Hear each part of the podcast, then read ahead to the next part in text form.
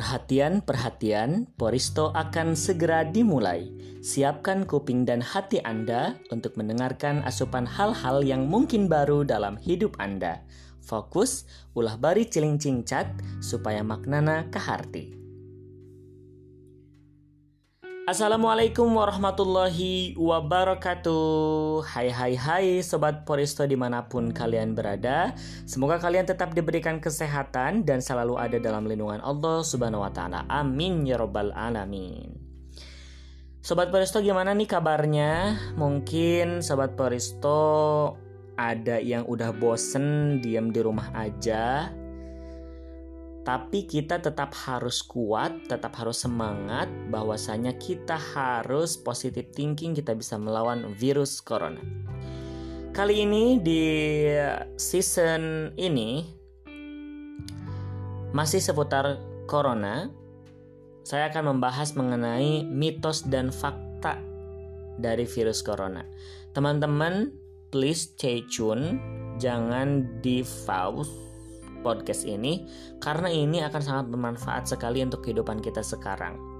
Karena tidak dipungkiri, sekarang-sekarang ini banyak sekali berita-berita hoax terkait virus corona.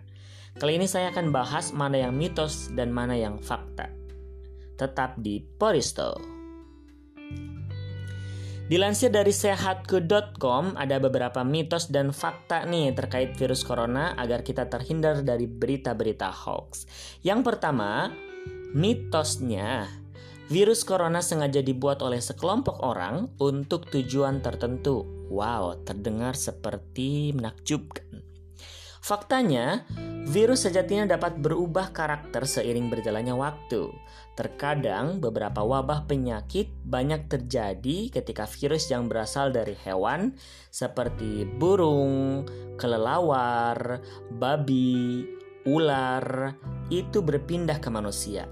Nah, hal ini yang mungkin terjadi pula pada penyebaran virus corona.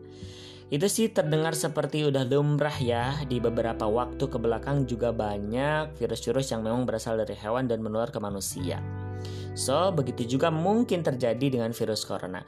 Tapi dengan mitos tadi bahwasanya virus corona ini sengaja dibuat oleh sekelompok orang itu masih terbantahkan ya dalam artian belum ada fakta yang benar-benar mengarah ke sana. Meskipun saya juga pernah baca berita bahwasanya memang virus corona ini sengaja dibuat oleh sekelompok orang untuk kepentingan suatu negara tertentu gitu ya. Walau alam bisawab, kita berdoa saja semoga itu tidak. Selanjutnya mitos yang kedua nih, hewan peliharaan dapat menularkan virus corona. Wow. Faktanya, hingga saat ini belum ada bukti yang menunjukkan bahwa hewan peliharaan seperti anjing, kucing dapat terinfeksi COVID-19.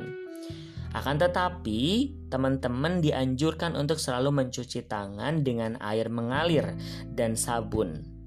Ya, itu itu harus memang ya. Baik sebelum dan setelah melakukan kontak dengan hewan peliharaan. Ya, memang ini menjadi suatu refleksi bagi kita di mana dengan adanya virus corona itu kita harus melakukan pola hidup sehat agar terhindar dari virus dan bakteri lainnya gitu ya. Selanjutnya mitos yang ketiga, virus corona hanya menyerang lansia, bukan anak-anak. Apakah benar? Faktanya nih, semua orang dari berbagai rentang usia sebenarnya dapat beresiko terinfeksi COVID-19 loh. Akan tetapi, orang lanjut usia yang pertahanan tubuhnya sudah menurun dan orang-orang yang memang sebelumnya pernah mengalami kondisi medis seperti asma, diabetes, terus penyakit jantung. Nah, ini yang akan lebih rentan untuk menjadi sakit parah akibat virus. Nah, gitu ya. Bahkan WHO menyarankan orang-orang dari segala usia untuk mengambil langkah-langkah guna melindungi diri dari virus. Misalkan dengan meningkatkan pola hidup sehat. Ya, itu benar sekali pola hidup sehat harus kita tingkatkan. Mitos keempat nih, menerima paket barang atau surat dari Tiongkok dapat tertular virus corona. Wow, apakah benar? Kita lihat faktanya. Faktanya adalah para peneliti masih uh, mempelajari bagaimana virus corona dapat menginfeksi manusia. Namun, para ilmuwan menduga bahwa sebagian besar virus tidak dapat tahan lama berada di permukaan, apalagi di suhu yang panas. Memang sih sepertinya kan tidak akan bertahan lama di suhu yang panas, tapi kita nggak tahu juga. Kita tunggu saja para ilmuwan di dalam penelitian tersebut. Nah, katanya kemungkinan kalian untuk tertular virus corona melalui barang atau surat dari Tiongkok ini yang melewati perjalanan berhari-hari, bahkan bisa sampai berminggu-minggu itu sangatlah rendah. Oke, selanjutnya mitos kelima bahwasanya virus corona dapat menular dari gigitan nyamuk. Wow, terdengar interesting. Kita lihat faktanya. Hingga saat ini belum ada bukti ilmiah yang dapat menunjukkan bahwa virus corona dapat ditularkan oleh gigitan nyamuk.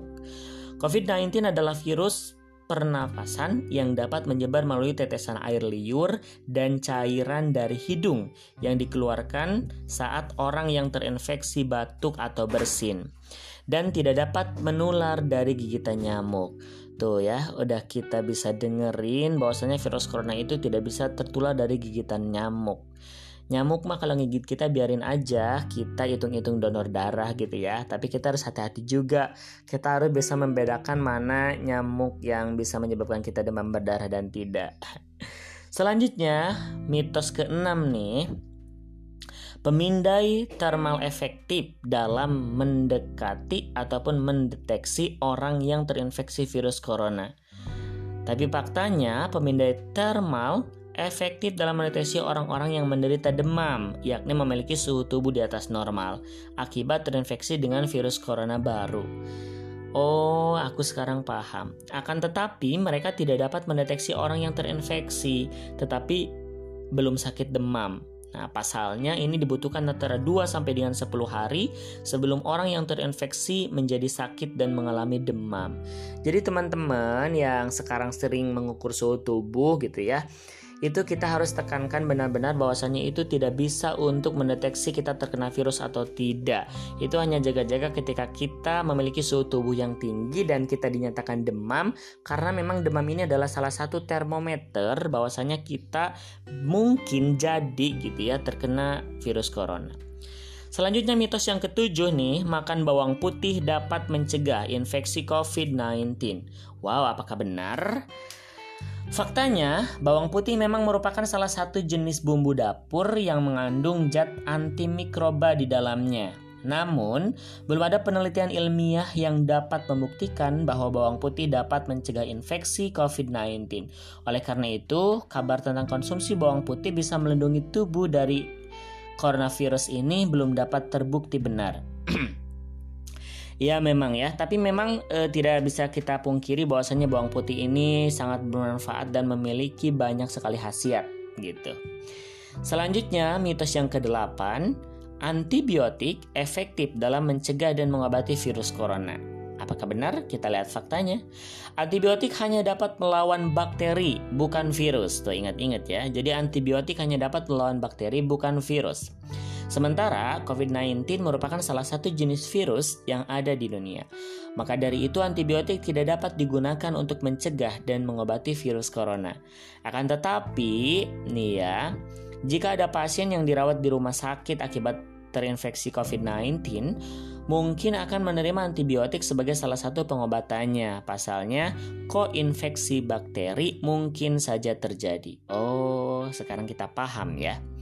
Selanjutnya, mitos yang ke-9, pakai masker dapat melindungi diri dari penularan virus corona secara efektif. Faktanya nih, WHO merekomendasikan orang-orang tanpa gejala gangguan pernapasan seperti batuk dan bersin tidak perlu menggunakan masker. Tuh dengerin. Sebaiknya masker diutamakan bagi para pasien COVID-19 dan keluarga yang mengurus pasien, serta para tenaga medis yang merawat pasien. Masker merupakan alat perlindungan diri yang sangat penting bagi mereka. Pada orang yang dalam kondisi sehat, penggunaan masker perlu dibatasi agar persediaan masker di fasilitas kesehatan dan bagi orang-orang yang benar-benar membutuhkan itu tidak menipis. Itu dia 9 mitos dan juga fakta dari virus corona. Ini masih banyak sekali yang lainnya. Nanti kita akan sambung di part kedua. Oke, okay? bye bye.